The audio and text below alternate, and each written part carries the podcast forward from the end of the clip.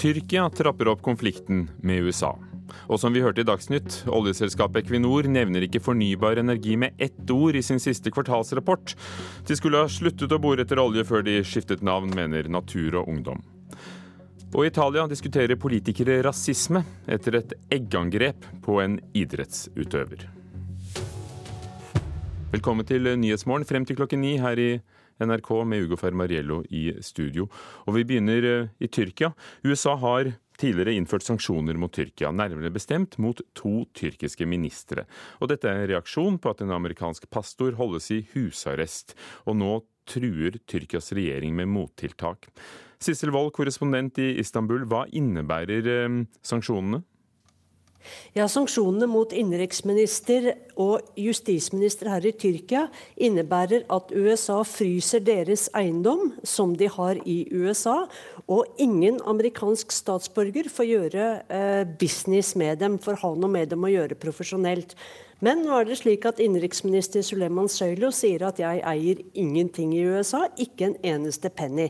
Så foreløpig ser det ut som disse sanksjonene kanskje i praksis er mer symbolske, men etter det vi forstår, så har eh, Trump-administrasjonen en lang liste som de kommer til å aktivere om de ikke får utlevert denne pastoren. Og Det er likevel, eh, det er jo likevel ganske symbolsk i og med at vi snakker om en Nato-alliert. Donald Trump har gjentatte ganger bedt om at denne protestantiske pastoren Andrew Brunson skal eh, løslates. Eh, hvorfor? Hvorfor er de så opptatt av Brunson?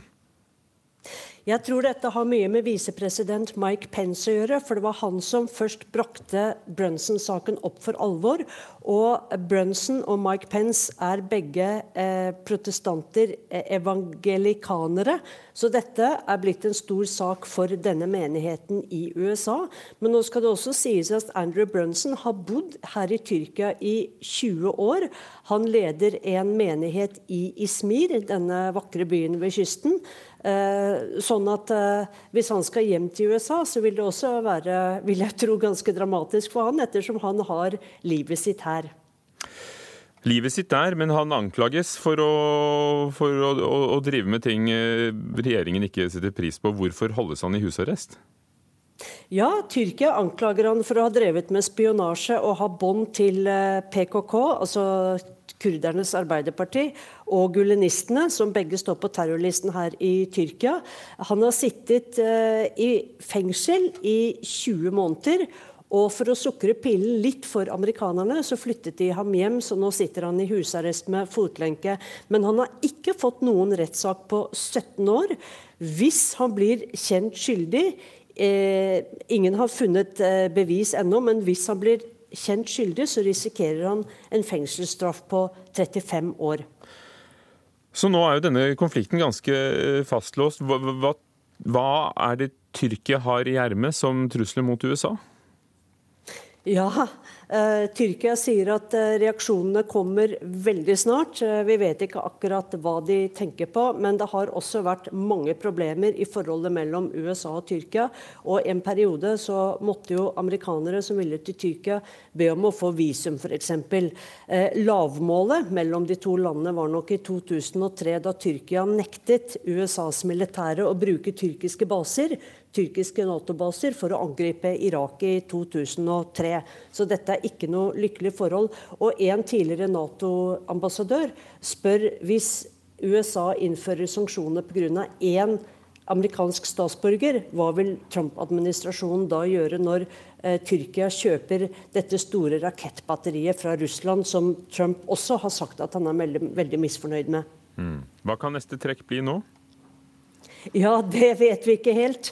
Eh, vi får følge med. Eh, forholdet mellom USA og Tyrkia eh, har vært gjennom mange kriser, så vi får se. Men én stor effekt av dette var at den tyrkiske liren, som allerede har falt veldig mye det siste året, falt ytterligere. Da jeg kom til Tyrkia for to år siden, så var det tre kroner for én lire. Nå står den på 1,69. Takk skal du ha, Sissel Wold, korrespondent i Istanbul.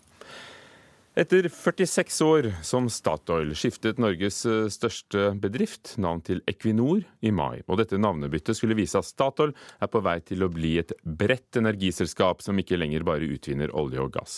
Men i Equinors første kvartalsrapport som eget selskap er verken vindkraft, solceller eller fornybar energi nevnt med et eneste ord. Bærekraftanalytiker i Nordea, Tina Saltvedt, er overrasket.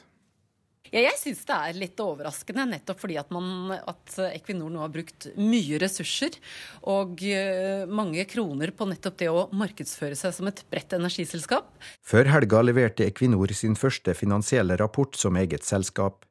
Men til tross for at Equinor reklamerer massivt for å fortelle om at Statoil nå er i endring, var det kun resultatene fra olje- og gassvirksomheten som fikk plass i rapporten. De har jo også begynt å investere både i sol og vind, og har jo avsatt et fond som skal investere i nye energiformer. Slik at i strategien så gjør man jo det, og da er det rart at de ikke benytter denne muligheten også til å kommunisere det enda tydeligere til nettopp investorer, og ikke minst menigmann. Equinors vindparker forsyner allerede i dag mange hundre tusen husstander i Storbritannia og Skottland med strøm, og flere vind- og solprosjekter er under utvikling, bl.a. i Sentral-Europa og Brasil. Fordi eh, man har skiftet navn, så blir man jo nysgjerrig på hvordan det går med disse satsingene. Og da ønsker man jo å se det, selv om det kanskje er smått i dag.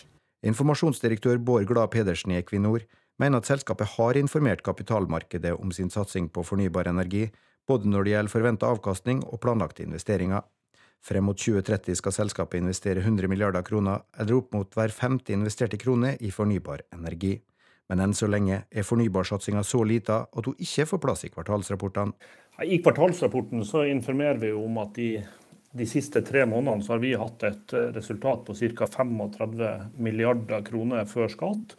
Og fornybarvirksomheten så langt eh, innfrir jo ikke de kravene som er for å være et eget eh, rapporteringssegment. For når Norges største selskap rapporterer om sine tall, utgjør fornybarsatsinga foreløpig så lite at det inngår i sekkeposten andre inntekter i regnskapene. Andel av selskapet er jo fornybarvirksomheten fortsatt liten, selv om vi har prosjekter som kan forsyne eh, ca. 1 million husstander med fornybar energi. Statoil-analytiker Theodor Sveen Nilsen i Sparebank1 Markets har heller ikke funnet noe om verken vindkraft eller fornybart i rapporten. Jeg vil si Det er en kuriositet, og jeg vil understreke det at eh, finansmarkedene bryr seg nok ikke så veldig mye om det akkurat nå, annet enn at det hadde vært nyttig å ha litt tall på det. Men, men som sagt så er jo en ganske begrensa andel av, av, virksomheten som enn så lenge er, er fornybar. Da. For slik det er nå, er det ikke mulig å regne grundig på Statoils fornybarsatsing med utgangspunkt i kvartalstallene, sier Sven Nilsen. Helt klart. Det er veldig vanskelig å mene noe, uh, mene noe om noe du ikke har tall på. Det, det, er veldig vanskelig. Og reporter var Johan B. Settem. Ja, Gaute, Gaute Eiterjord i Natur og Ungdom, eh, leder der. Hva synes du og din organisasjon om at uh, Equinor ikke nevner fornybar? Det dette viser, er at Equinor, eller Statoil, tar litt tid å bli vant til navnet. Det er først og fremst et oljeselskap fremdeles. Og det de holder på med nå, med den kampanjen som, hvor de snakker om at de skal endre seg, de skal inn i en ny framtid, bli et energiselskap, det dette viser at de først og fremst er et oljeselskap, og den kampanjen den er bare grønnvasking. Hvis de skal bli tatt på alvor som et nytt selskap som tar inn over seg klimaendringene, så er det de nødt til å gjøre. De må vise handling. De må slutte å lete etter olje. De må slutte å lete etter olje i sårbare områder, sånn som i Barentshavet. Eh, det er først da vi kan snakke om dem som et energiselskap. Dette er jo velkjente standpunkter eh, fra dere. Så vil jo Equinor nå hevde at deres oljeutvinning eh, på mange områder er mer miljøvennlig enn annen oljeutvinning. Og er det ikke likevel da en ærlig sak, siden det er først og fremst olje og gass de driver med? Det, står registrert som et selskap som driver med utvinning av råolje og gass, og ikke nevnt i kvartalsrapporten, for det er tross alt en såpass liten del. Mm.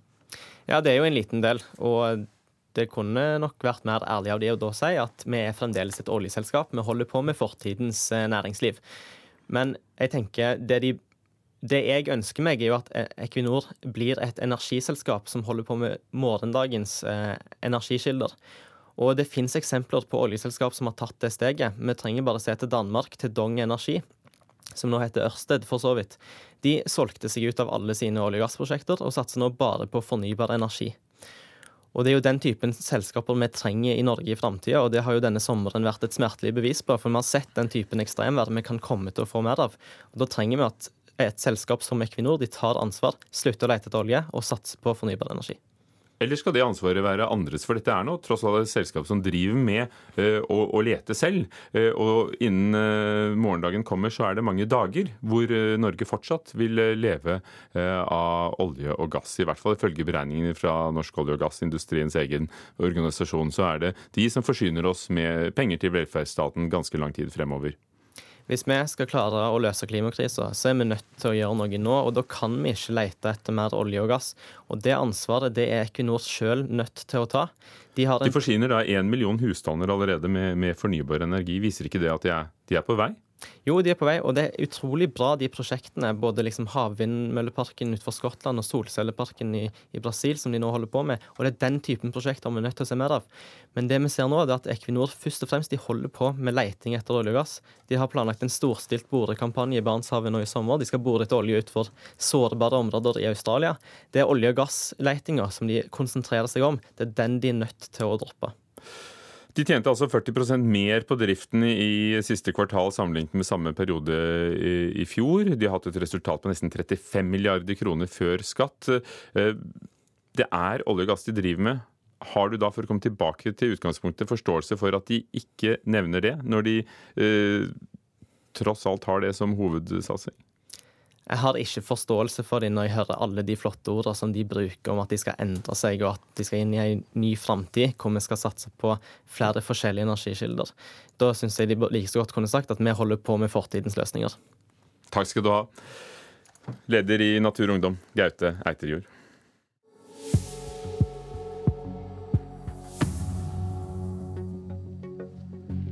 Dette er Nyhetsmorgen i NRK. Klokken er kvart over syv straks.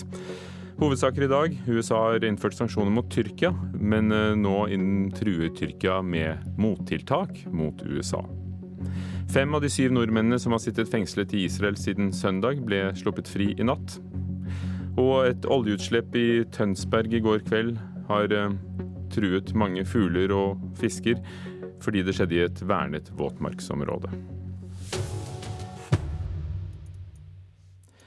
I Italia er eh, idrettsutøveren Daisy Osakue kjent for å farge flettene sine asurblå når hun representerer Italia i internasjonale konkurranser. Men eh, nå er diskoskasteren i sentrum for en eh, kraftig debatt om hat og intoleranse etter at hun ble offer for et angrep litt utenfor Torino, der hun bor, når hun ikke studerer i USA. Hun er 22 år gammel og er diskoskaster. Europakorrespondent Philip Lote, hva skjedde denne kvelden da Daisy Osakue gikk hjem søndag? Hun var på vei hjem fra trening. En bil kjørte mot henne i høy fart, og de to passasjerene om bord stanset rett før og kastet da et egg som traff henne rett i ansiktet rundt øynene. Det lokale politiet sier eh, at også andre har fått kastet egg på seg i området, som ikke er svarte, og at de ikke kan eh, fastslå at dette er rasisme. Hvorfor er dette likevel blitt til en debatt om rasisme i Italia? Ja, nå fikk eh, Osaku en skade, og hun mener selv at Eh, dette var rasistisk motivert fordi at det gikk andre folk eh, rett foran og bak henne som ikke var svarte. At det var tydelig at det var henne de eh, siktet etter.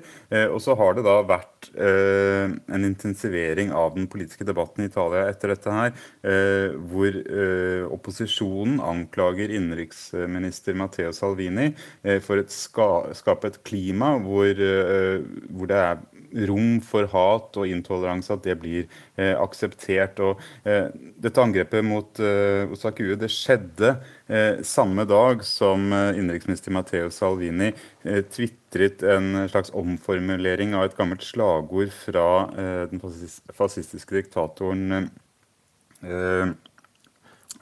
Mussolini. Mussolini, unnskyld. Benito.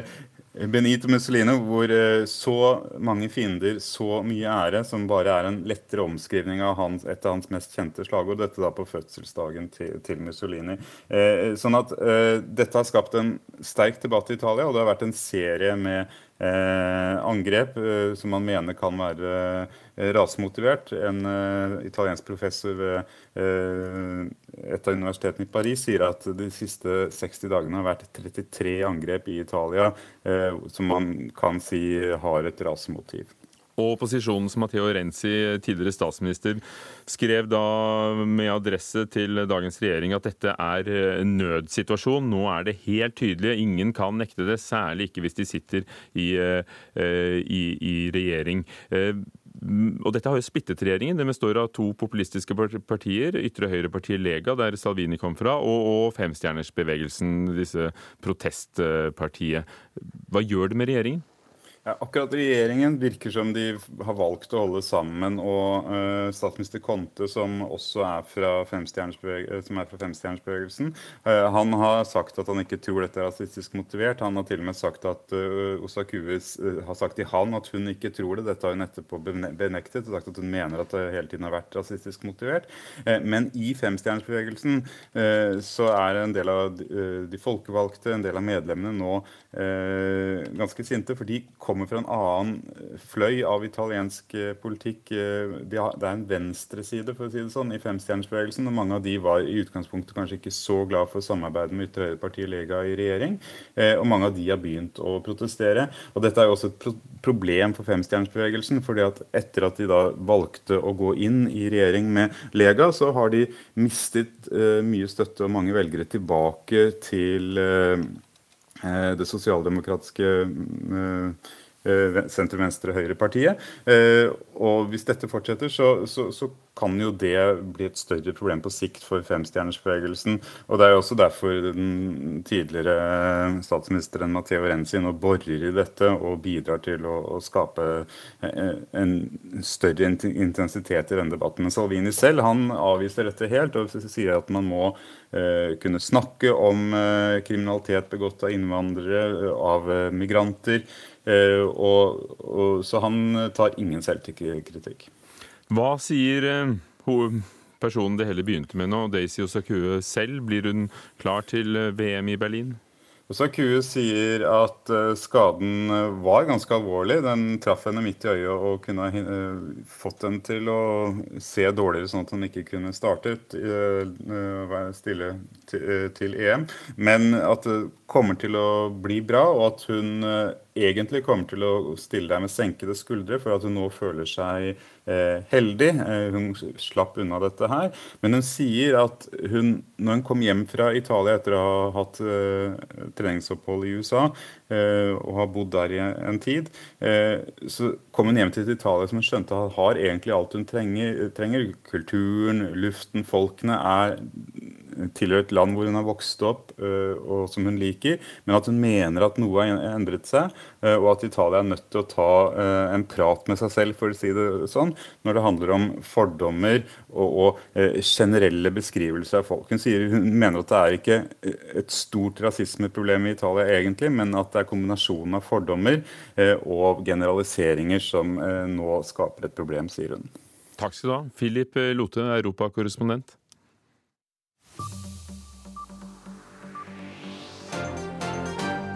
Dette har skjedd i natt. Mange fugler og fisker er døde etter at det ble oppdaget et oljeutslipp i et verna våtmarksområde i Tønsberg. Det skjedde i Presterødkilen, og brannmannskapene der jobber til langt på natt for å avgrense skadene. Området det er spesielt viktig for trekkfugler. Fra USA melder elbilprodusenten Tesla om rekordunderskudd på nær 5,9 milliarder kroner i andre kvartal i år. Og likevel steg aksjeverdien, fordi fremtidsutsiktene for store og fine elbiler tydeligvis er gode. 2000 mennesker samla seg framfor lerretet på Preikestolen i Rogaland i natt for å få med seg førpremieren av den siste Mission Impossible, filmen med Tom Cruise i hovedrolla. En av scenene de spilte inn nettopp på Preikestolen, og først i to tider natt var folk på vei ned igjen. Dette skjer i dag, og er saker vi følger med på i NRK Nyheter. Det er det varsla ei hetebølge i eh, Sør-Europa. I Spania så øker det nå beredskapen, siden det er venta temperaturer på over 40 grader. Styresmaktene advarer folk mot å være ute i de varmeste timene på dagen. Og alle blir bedt om å drikke rikelig og holde hus og biler så kalde som mulig.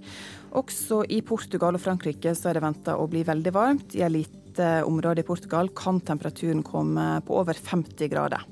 Thorvald Stoltenberg bisettes i Oslo domkirke. Diplomaten, arbeiderpartipolitikeren og tidligere president i Røde Kors døde 13.07. Åse Kleveland skal synge og spille, og Camilla og Jens Stoltenberg, begge Thorvalds barn, skal holde tale på vegne av familien. Kong Harald og dronning Sonja kommer, og det gjør også statsminister Erna Solberg.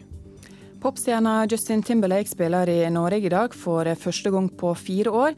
Det skjer i Bærum i kveld. Turneen The Man of the Woods Tour har solgt over 450 000 billetter i USA, og kom til Europa tidligere i sommer. Sa Ingvild Ryssdal. I går kveld ble det klart at Rosenborg ikke kommer til Mesterligaen i år. De spilte 0-0 hjemme på Lerkendal stadion mot skotske Celtic. Men etter at de tapte 3-1 på bortebane, må de nøye seg med Europa League-kvalifisering videre. Rosenborg-spiller Marius Lundemo tar det hele med fatning. De var bedre enn oss over to kamper, og spesielt i første kampen. Da, var vi litt heldige som ikke tapte mer enn 3-1, og det var der vi tapte her. Vi kunne fort fått eh, et relativt tidlig mål i dag, og da hadde det blitt uh, utrolig spennende, tror jeg. Så det er først og fremst der vi taper. Dribler seg innover, så detter ned til Helland inn i 16-meteren. Gjennom feltet igjen på bakre stolpe. Lundemo! Og så er Craig Gordon der med en fantastisk redning! Jeg banner, banner litt for meg sjøl og er irritert over at den ikke går inn. Det, det er ikke så ofte jeg er i de posisjonene her, så jeg vet ikke om jeg skal si at den bør sitte, men eh, det er en stor sjanse. Og selv om Rosenborg nå er ute av Mesterligaen, har eh, klubben fremdeles mulighet til å delta i den litt mindre prestisjefulle Europaligaen. Rosenborg må gjennom to kvalifiseringsrunder for å nå gruppespillet der, eh, og den første kampen eh, finner sted om en drøy uke mot irske Cork. Birger Løfali, kommentator i Adresseavisen. Du så kampen i går. Hva synes du om hva Rosenborg leverte? Uh, Marius Lundemo ga et, uh, en god oppsummering av kampen. Uh, det var en bra førsteomgang. Oppløftende sammenlignet med det som skjedde i Skottland for en uke siden. Men Rosenborg klarte ikke å skåre mål, og det var jo det de måtte i går. De måtte ha to mål, mm, enda flere hvis Celtic skåra. Bra før pause, og så har Celtic god kontroll etter pausen. Så ja, til og med treneren, eh, treneren Reenie Coolen sier at det, det, eneste som manglet, var skåringer. Så det kan være bra spilt, selv om de ikke skåret mål? Ja, det var tendenser til det Rosenborg-spillet vi vil se på Lerkendal før pause. Eh, men det var måla som mangla. RBK Rosenborg altså bød nesten 38 millioner kroner på en Liverpool-spiller eh, som ble avslått i går av spilleren selv, og det ville da vært det dyreste kjøpet i Eliteseriens historie. Ville det vært en god investering for klubben? Eh, Rosenborg har eh, eh, lengta etter en ny midtbanespiller etter at Ole Selnes ble solgt. De har aldri klart å erstatte han optimalt. Det kunne de ha gjort hvis eh, denne spilleren har kommet til klubben. Det gjorde han da ikke. Eh, og Skulle Rosenborg f.eks. ha tatt seg til Mesterligaen, så har jo det vært en dråpe i havet. Og, og, kjøpt han. Det gjorde de ikke nå, og da er det mindre penger det er snakk om. Ja, for det er jo det. Hvis de hadde kommet i Mesterligaen, så er det så mye penger involvert. Og tidligere har de gjort det bra i europeisk sammenheng, som har gjort at de har jo hatt ganske god øh, råd.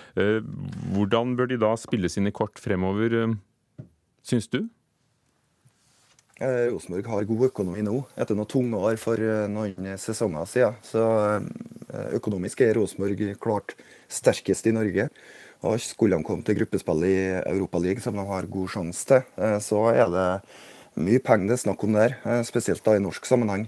Så, og jeg tror jo at gruppespill i Europaligaen passer Rosenborg bedre sånn som ståa er nå. Et gruppespill i Champions League har blitt i overkant tøft, tror jeg. Mm.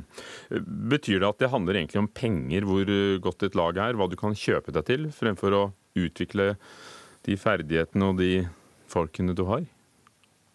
Ja, det er jo mye sånn i internasjonal fotball. Eh, på 90-tallet så klarte jo Nils Arne Eggen å føre Rosenborg til europatoppen eh, uten eh, dyre kjøp. De kjøpte riktignok mange av de beste norske spillerne, men det var en helt annen verden enn den som er i dag. Og uten penger så Eh, har du små sjanser i fotballen i dag. Dessverre kan vi jo si om det.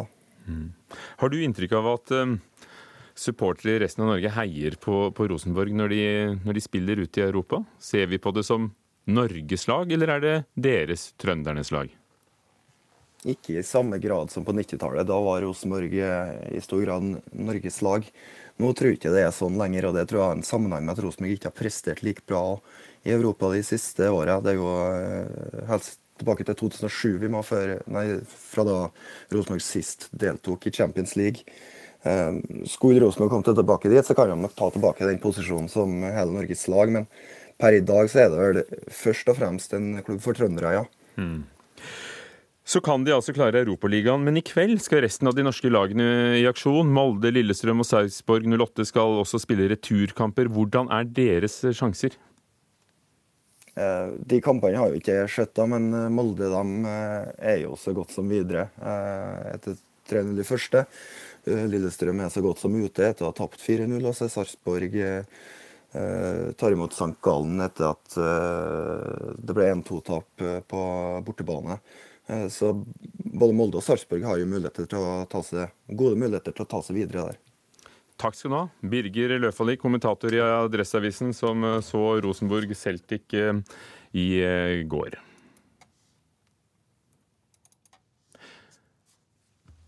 Du har hørt på Nyhetsmorgen i NRK Radio, og vi fortsetter frem til klokken ni. Nå er det straks tid for Dagsnytt klokken 7.30. Etter, etter Dagsnytt i eh, sommerkvarteret, så kan vi møte olje- og energiminister Terje Søviknes, som mener at Norge kan innfri klimamålene selv om vi driver med olje- og gassutvinning i mange år fremover. Apropos det vi har hørt. Hilde Tastrud er teknisk ansvarlig i dag, og Kari Bekken Larsen produsent. Sommer i P2. Lengselen etter friheten gjorde at jeg ville leve i Vesten. Friheten til å kunne mene det jeg mener, og kunne kle på meg det jeg vil, og bare være fri. Jeg heter Mina Bai. Jeg er blogger og samfunnsdebattant.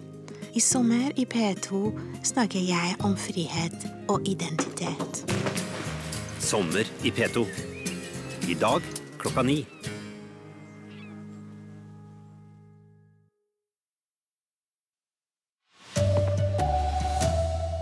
USA har innført sanksjoner mot Tyrkia. En pastor skaper splid mellom de to landene. De første av nordmennene fra Shiptu Gaza kom hjem i natt etter å ha vært fengsla i Israel. Og fugler og fisker er døde etter et oljeutslipp i et verna område i Tønsberg.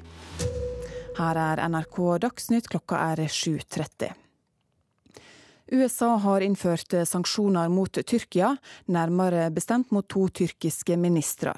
Dette er en reaksjon på at en amerikansk pastor blir holden i husarrest i Tyrkia, og nå truer Tyrkia med mottiltak. Vi skal til Istanbul og korrespondent Sissel Wold. Hva innebærer disse sanksjonene? Ja, Sanksjonene retter seg mot Tyrkias innenriksminister og justisminister.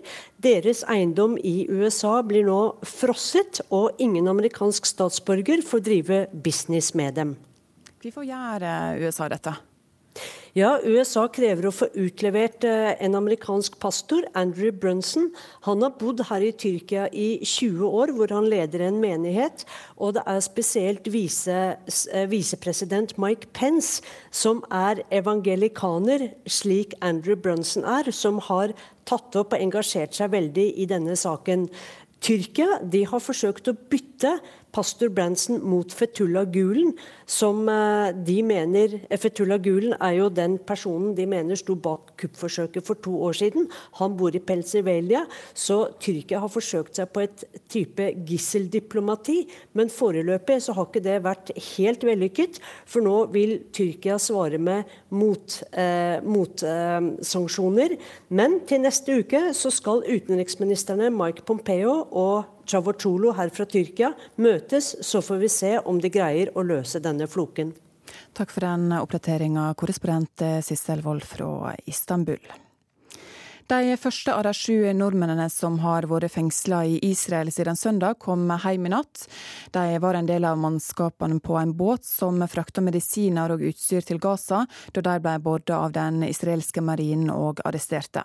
Kapteinen på båten, Herman Reksten, sier at han er glad for å være tilbake, men han er bekymra for de som fortsatt er fengsla. Selvfølgelig går mine tanker til eh, besetningen som fortsatt sitter i israelsk fengsel. Jeg er bekymret for deres eh, tilstand, for deres helsetilstand og for deres rettssikkerhet. For det første er blokaden ulovlig, for det andre så er jeg fortsatt vondt i huet etter å ha blitt banka opp av eh, israelske offiserer. Ja, det sa Herman Reksten, og fem av de sju som har vært fengsla, ble sluppet fri i går. Etter 46 år som Statoil bytta Norges største bedrift navn til Equinor i mai.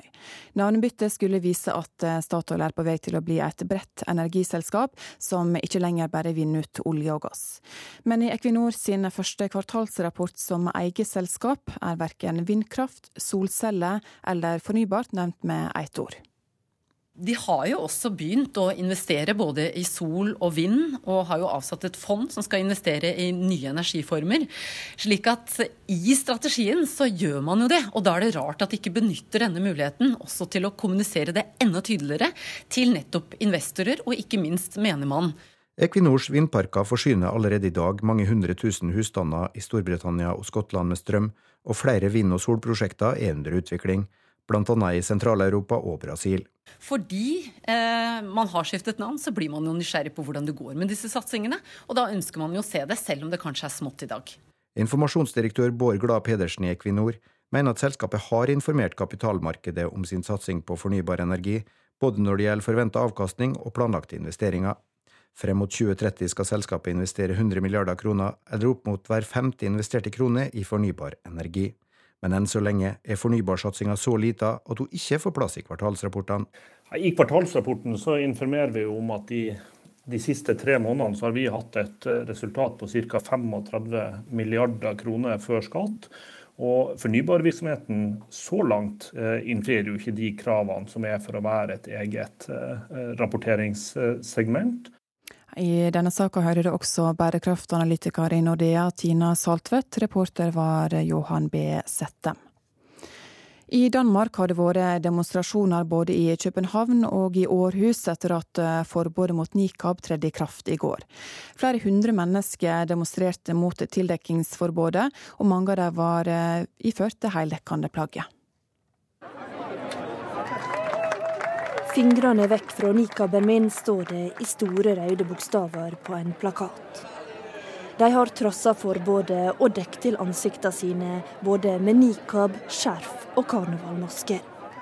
1300 mennesker gikk i går gjennom gatene i København for å demonstrere mot forbudet som tredde i kraft 1.8. Uh, it makes me sad. It's a discriminating law. It's an absurd law. It's a law that doesn't make sense in practice. It's a law Dette er en lov som ikke gir mening, sier studenten Hanni Ali, som mener lova er diskriminerende. Det er den borgerlige mindretallsregjeringa som fikk forbudet gjennom i Folketinget ved hjelp av støtte fra Sosialdemokratene og Dansk Folkeparti. Well, we want to take a stand against uh, political Islam, against the fundamentalists in our society. Uh, we have some people who believe that they are in their good right to wear uh, a headscarf that covers all of the face. En må kunne se ansiktet til den personen en snakker med, sier Martin Henriksen, folketingsrepresentant for Dansk Folkeparti, som vil markere motstand mot politisk islam. Ifølge den nye lova får ikke folk lenger lov til å dekke til ansiktet sitt. Det gjelder både de heldekkende plaggene som burka og nikab, men også løsskjegg, finlandshetter og munnbind. Det finnes også noen unntak, som t.d. julenissedrakter og motorsykkelhjelmer. Første gangen en bryter forbudet, får en ei bot på 1000 danske kroner. Fra og med fjerde gangen blir bota tidobla.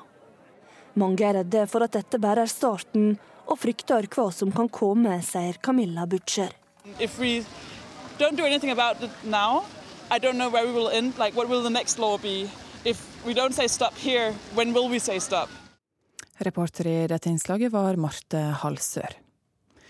Mange fugler og fiskere døde etter et oljeutslipp i Tønsberg i går kveld. Det skjedde i det verna våtmarksområdet Presterødkilen. Det sier Einar Flågeland, som er brannsjef i Vestfold.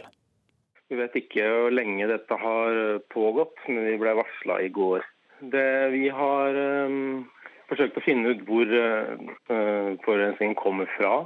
Nedover i elva så har vi satt opp uh, lenser og vi har barka i elva. Og så har vi forsøkt å sette lenser utover i Presterødkilen. Og det er en del eh, dyreliv, og det har nasjonale og internasjonale naturvernområder. Det utslippet har um, konsekvenser for miljøet. Vi er usikre på omfanget av det til videre. Men det har konsekvenser både for naturen og for uh, dyreliv. Det sa brannsjef Einar Flågeland. Nå har også ferierende nordmenn på Mallorca rammet fly som er forsinka. Problemene har forplanta seg dit etter trøbbel på Rådås i Hellas sist helg. Malin Katrine Holum Lie er med familien på Mallorca, og er de som venter på å få komme seg hjem. Vi er plassert på et hotell eh, litt vest for Palma. Vi var jo på Alcudia. Malin Katrine Holum Lie hadde to herlige uker sammen med familien nordpå Mallorca, men nå sitter de på andre døgnet og venter på å komme hjem. Det var det at Når vår 14 dagers ferie er over, så vil man jo gjerne hjem, ikke sant? Så det var jo det vi var innstilt på. Men vi har det bra. Velkommen til Mallorca. Vårt første og kanskje mest populære feriereisemål gjennom tidene. Ving har hatt en tøff uke siden problemene oppsto på Rådås i helgen. Siden den gang har de fått følgeforsinkelser pga. problemene på flyplassen på den greske øya. Informasjonsansvarlig Anna Hagberg i Ving sier de leier inn verdens største passasjerfly for å få alle forsinkede feriegjester hjem, og satser på at forsinkelsene som følge av Hellas-problemene nå skal være over. Vi regner i alle fall med at de følgeforsinkelser som har blitt etter det inntreffede problemet på, på Rådås, i og med denne A330 som vi setter inn for å ta hjem Mallorca-resenærene, at vi da skal få et slutt på de følgeforsinelsene. Ving sier selskapet skal strekke seg langt for å imøtekomme eventuelle klager etter de mange forsinkelsene fra forskjellige feriedestinasjoner. Just i dette leget har vi faktisk sagt ja til at de kunder som på egen hånd har, har valgt å ta seg hjem eh, for egen maskin, då, at vi kommer å eh, stå for den kostnaden. Så at, eh, sparer de kvitton på, på de billetter som de har boket hjem, så kommer de å kompenseres for det. Reporter her var Tor Albert Frøsland. Ansvarlig for NRK Dagsnytt var Marianne Løkkevik. Mitt navn er Ingvild Ryssdal.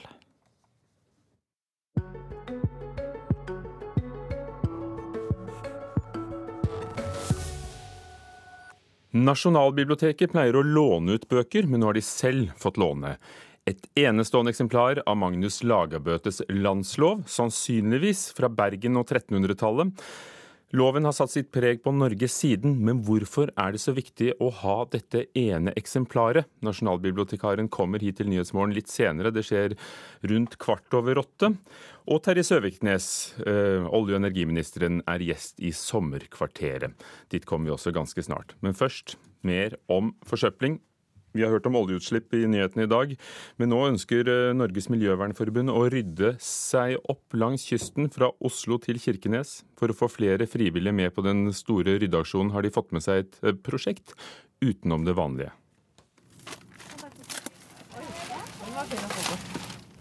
Det er jo ille hvor mye det er her, så jeg håper folk skjønner det. Aksel og familien er med på ryddeaksjon på Trangsholmen i innseilinga til Sandefjord. Marin forsøpling er et stort problem. Derfor har Norges Miljøvernforbund lagt ut på en enorm ryddetur rundt i Norge. Moren til Aksel, Anne Gertner, plukker søppel mellom noen steiner. Hun syns det er viktig å være med på aksjonen. Veldig bra tiltak. Og det gjør jo at flere kan bli litt bevisste på nettopp det med forsøpling osv. Det gir jo en liten eye-opening når man ser dette her. Skal jeg komme opp der med en pose? Mange steder så går vi på myrer sånn som dette her, så hører du bare at det krønsjer i plastikk etter hvert som du går bortover. Ruben Oddekalv er aksjonsleder. Med skipet Miljødronningen ønsker han og Miljøvernforbundet å rydde seg fra Oslo og helt opp til Kirkenes. Og selv om alle midlene for turen ikke er på plass, håper miljøforkjemperen å få fullført turen. Nå har vi ikke finansiering for en hel måned, men vi kommer til å gå en hel måned. og Så får vi heller finne ut hvordan vi skal dekke den gjelden. Vi, vi er jo en, en, miljøorganisasjon, så vi må på en måte bare gjøre dette. For vi ser at det er et behov for det. Sandefjord er andre stopp, og han berømmer byen for den nesten søppelfrie skjærgården. Ifølge Oddekalv kan allikevel ikke vestfoldingene droppe ryddinga og sette seg tilbake i sofaen med god samvittighet. Nei, absolutt ikke. Dessverre. Eh, der kommer jo hele tiden nye ting. Eh, sånn at man må på en måte vedlikeholde dette. her. Selv har han mening om hva som fungerer bra i kampen mot forsøplinga. Vi må få flere ut til stranden og faktisk gjøre noe for å få eierskap til problemet. For alle som har vært her i dag, de vil få et, et nytt eierskap til eh, plastforsøpling eller forsøpling generelt. Tilbake ved brygga i Sandefjord ligger miljøskipet. For å få med flere på ryddinga har det med seg et litt annerledes prosjekt på veien. For to dager siden så åpna Cleansounds-bevegelsen for første gang i Oslo. Eh, de frivillige som var der, 15 stykk, de fikk da eh, til sin store overraskelse Madcon på toppen av helikoptertaket her. De kom og spilte låter for de, eh, helt eksklusivt fordi at de ville hedre de som rett og slett handler. Det sier Morten Sand, mannen bak Clean Sounds. Prosjektet skal gjøre det lettere for artister å kunne opptre for folk som jobber frivillig med ryddeaksjoner. Intime pop-up-konserter skal fungere som en gulrot og gjøre ryddinga mer attraktiv. Hvem som spiller, det vil ikke Sand si noe om. Det at det er hemmelig, er et, et, et, viktig poeng.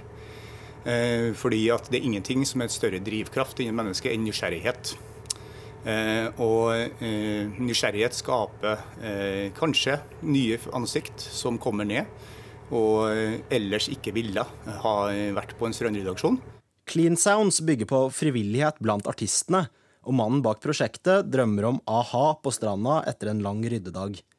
Til tross for at han ikke vil røpe noe om hvem som spiller senere på turen, er han skråsikker på at det vil bli gode opplevelser på vei mot Kirkenes. Det er veldig mange festivaler i Norge, og jeg ser veldig ofte festivalplakater rundt omkring. Og jeg tenker ofte i meg selv i mitt stille sinn at ja, jeg slår den lista omtrent alltid. Og reporter var Bendik Hansen. Klokken nærmer seg 7.45. Dette er Nyhetsmorgen i NRK. Fem av de syv nordmennene som har sittet fengslet i Israel siden søndag, ble sluppet fri i natt. De fem var aktivister om bord på en båt på vei mot Gazastripen. Tyrkia truer USA med mottiltak etter at USA har innført sanksjoner mot to av Tyrkias ministre. USA krever at en pastor som sitter i husarrest skal slippes fri. Tyrkia anklager pastoren for å stå i ledetog med kurdiske nasjonalister. Og mange fugler og fisker har dødd etter et oljeutslipp i et våtmarksområde i Tønsberg i går kveld. Ryddeaksjonen pågikk i hele natt. Terje Søviknes er eh, noe så sjelden som en Fremskrittspartipolitiker som knapt har vært i opposisjon. Han var partiets lengstsittende ordfører, før han eh, gikk inn i rikspolitikken og ble olje- og energiminister.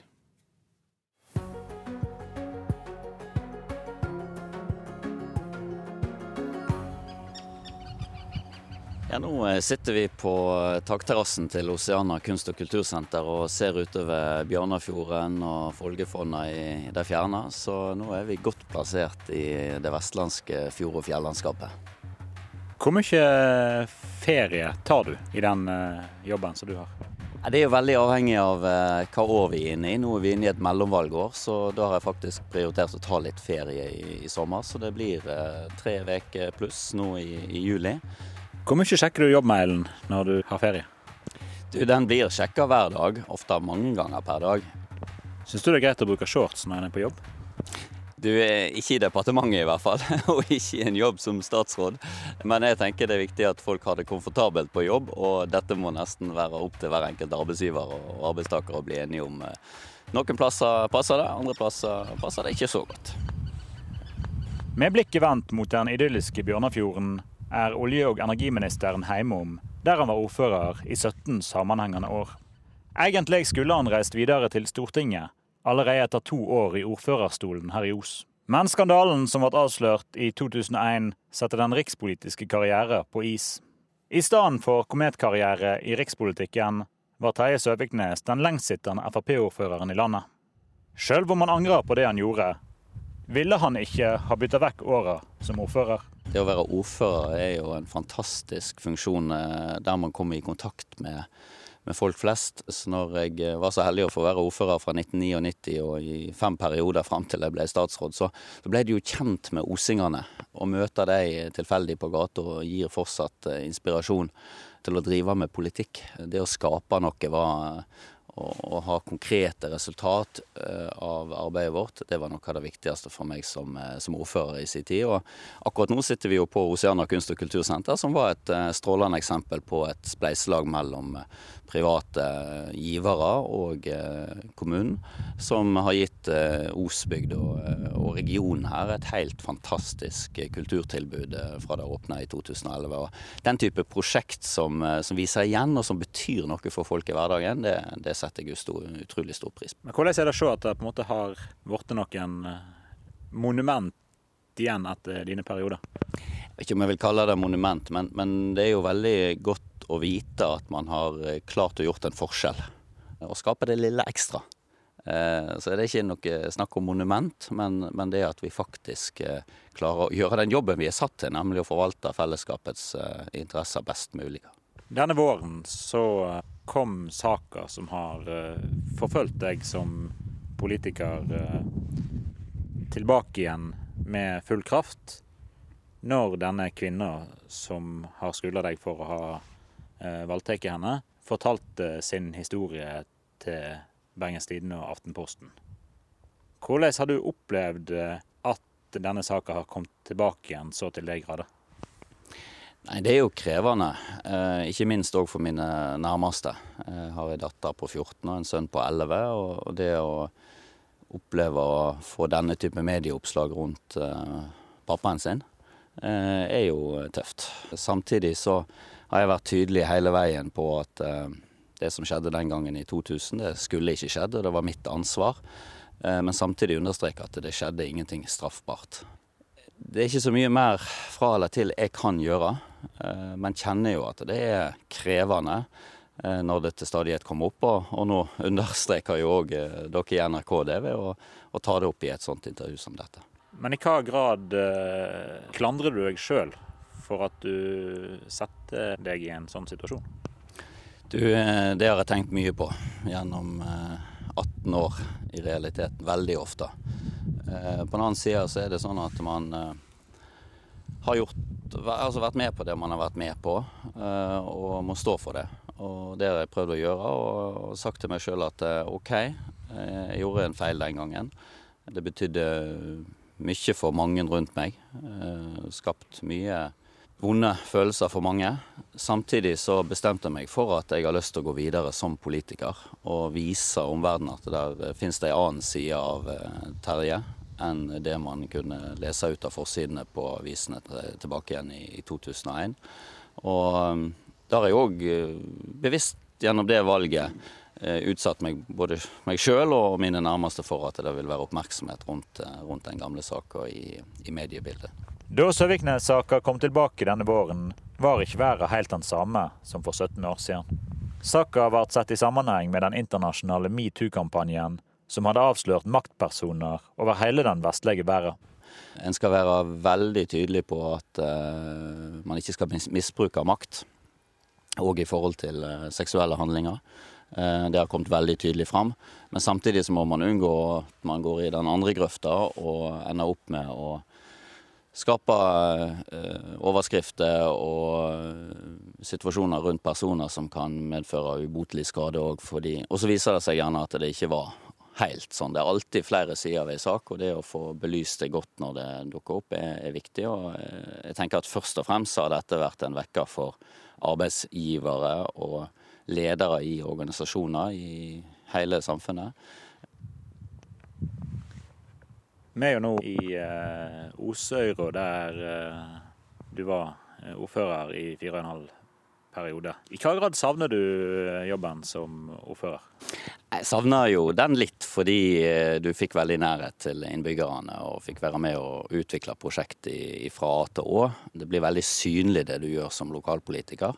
Men samtidig så har det vært en fantastisk mulighet å få ta del i regjeringas arbeid. Og eh, innenfor mitt fagfelt, eh, olje og energi, så har det jo vært to år nå med enorm utvikling fra eh, det djupeste, djupeste bølgedalen eh, etter oljeprisfallet i 2014-2015, så har jo olje- og gassnæringa reist seg igjen. Eh, gjennomført formidable kostnadskutt.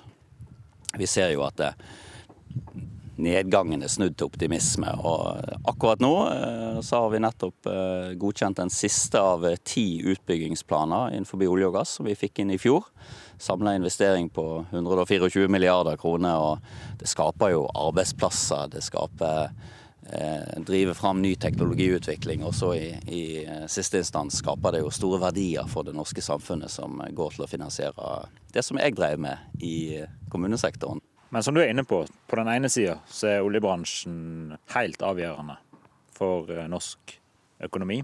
På den andre sida så eh, havner en midt i eh, det som mange har valgt å kalle vår tids største utfordring, klimasituasjonen. Føler du deg trygg på at eh, du kan som olje- og energiminister i Norge se deg selv i speilet og være trygg på at du fører en politikk som du òg kan være fornøyd med noen år fram i tid? Ja, det mener jeg helt klart. Klimautfordringa er global, og da må den òg løses globalt. Olje- og gassnæringa i, i, Norge er underlagt et veldig strengt regime. Vi har hatt ei høy CO2-avgift på norsk sokkel siden begynnelsen av 1990-tallet, som har bidratt til at uh, olje- og gasselskapene har uh, hatt insentiv til å kutte CO2-utslipp fra sin produksjon.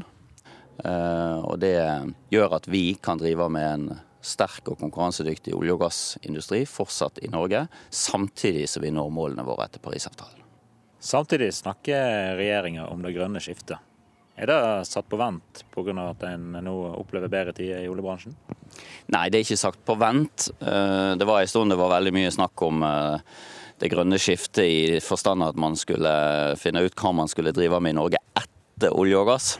Jeg er mer der at eh, diskusjonen må handle om hva vi skal drive med i tillegg til olje og gass. For vi skal drive med olje- og gassproduksjon på norsk sokkel i tiår framover. Men så skal vi diskutere, og ikke minst drive fram nye næringer ved sida av olje og gass.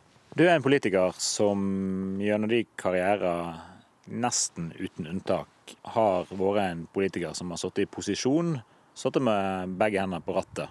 Både som kommunepolitiker, fylkespolitiker og nå som statsråd i rikspolitikken. Hva betyr det for deg å ha makt? Det betyr jo først og fremst at jeg har en mulighet til å gjennomføre det som eh, er partiet og eventuelt samarbeidspartienes politikk. Og faktisk kunne skape konkrete resultat. Jeg er blitt veldig resultatorientert etter hvert. Eh, og det er nok eh, med bakgrunn i at jeg har fått lov å sitte i, posisjon i, så mange år som du beskriver, både i lokalpolitikk og, og riks. Har det gjort at du har blitt en utypisk eh, Frp-politiker? Det er klart, eh, Fremskrittspartiet har jo vært et opposisjonsparti først og fremst. Så har vi gradvis kommet i posisjon i en del kommuner og fylker rundt omkring, og så tok vi steget inn i rikspolitikken i regjering i 2013. Eh, så jeg er jo en av de i Fremskrittspartiet som har mest erfaring med å sitte i posisjon.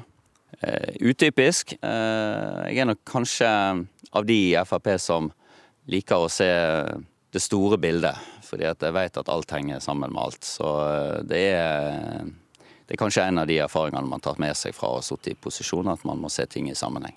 Men du har jo måttet svelge en del kameler, som f.eks. å gå inn for at eh, veien mellom Bergen og Os eh, skal betales med bompenger? Ja, det er jo det som skjer når man sitter i posisjon, at man må av og til svelge noen kameler. Og Da blir det litt sånn for lokalpolitikerne at enten får man vei, og Da må man akseptere en viss bompengeandel, eller så får man ikke vei. Eh, og i Os så valgte man da å faktisk akseptere et kompromiss. Overrasker det deg at eh, Fremskrittspartiet ikke i større grad opplever noen tydelig slitasje med å sitte i posisjon i rikspolitikken? Nei, det overrasker ikke meg, men jeg vet det overrasker veldig mange i media og mange eksperter der ute. Fordi man hadde dømt oss på mange måter litt nord og ned, og så for seg at nå skulle fløypartiet Frp gå i samme fella som SV gjorde i den rød-grønne regjeringa. Men vi hadde altså forberedt oss ekstremt godt i hele partiorganisasjonen på dette regjeringsprosjektet. Der skal Siv Jensen ha all honnør for, for den forankring som hun klarte å få til. Det har gitt oss den nødvendige trygghet for at jo, vi eh, klarer å skape resultat. Riktignok eh, taper vi en og annen forhandling i regjeringa, og vi må stå og forsvare noe vi ikke liker. Men eh, vi vinner òg. Og så eh, føler man nok i alle sammen en stolthet over faktisk eh, nok en gang motbevist eh, de dystre spådommene som kom fra media og ulike eksperthold. Du er jo en familiemann. Hvordan er det å i så store deler av året være vekke fra familien? Det er klart det er krevende. Eh, det er jo en ukependling jeg forsøker å få til. Og så ryker jo en del helger med òg til eh, arbeid, enten knyttet til statsrådsjobben eller til eh, partiarbeid. Og det er klart det er noe som ligger og gnager litt på, på samvittigheten. Samtidig så er det viktig da å sette pris på det du har hjemme, og klare å være ordentlig til stede når man faktisk er det. Jeg har to eh, fantastiske unger sjøl, og eh, ny eh, forlovede og to nye bonusbarn. Så nå er vi storfamilie på seks, og akkurat disse helgene vi får lov å være sammen og dra på noen turer og liksom virkelig være familie, de setter jeg stor, stor pris på. Hva betyr det å ha ferie for deg? Jeg bor på et lite småbruk helt ved sjøen. Det å få stelt eh, hage litt, det å være ved sjøen, bade, ute i båt, eh, nyte et godt glass eh, vin på terrassen. Ja, det er den type aktiviteter. Og så får vi se om det òg blir en, en, liten ferietur i løpet av sommeren. Men vi har ikke bestilt noe. Ta det litt på sparket. For å se hvordan vestlandsværet utvikler seg i løpet av juli. Sa olje- og energiminister Terje Søviknes i sommerkvarteret som i dag var ved Sølve Rydland. Det var stor glede da president Mugabe trakk seg etter 38 år ved makten i Zimbabwe, og mandag denne uken var det valg med håp på begge sider om en fredelig overlatelse av makten fra den ene regjeringen til den andre. Det håpet ble kanskje knust for mange i går. Da ble politi og opprørssoldater satt eh, inn mot demonstranter. og Det skal handle om hvordan det går med resultatet til valget i Zimbabwe etter Dagsnytt her i Nyhetsmorgen i NRK.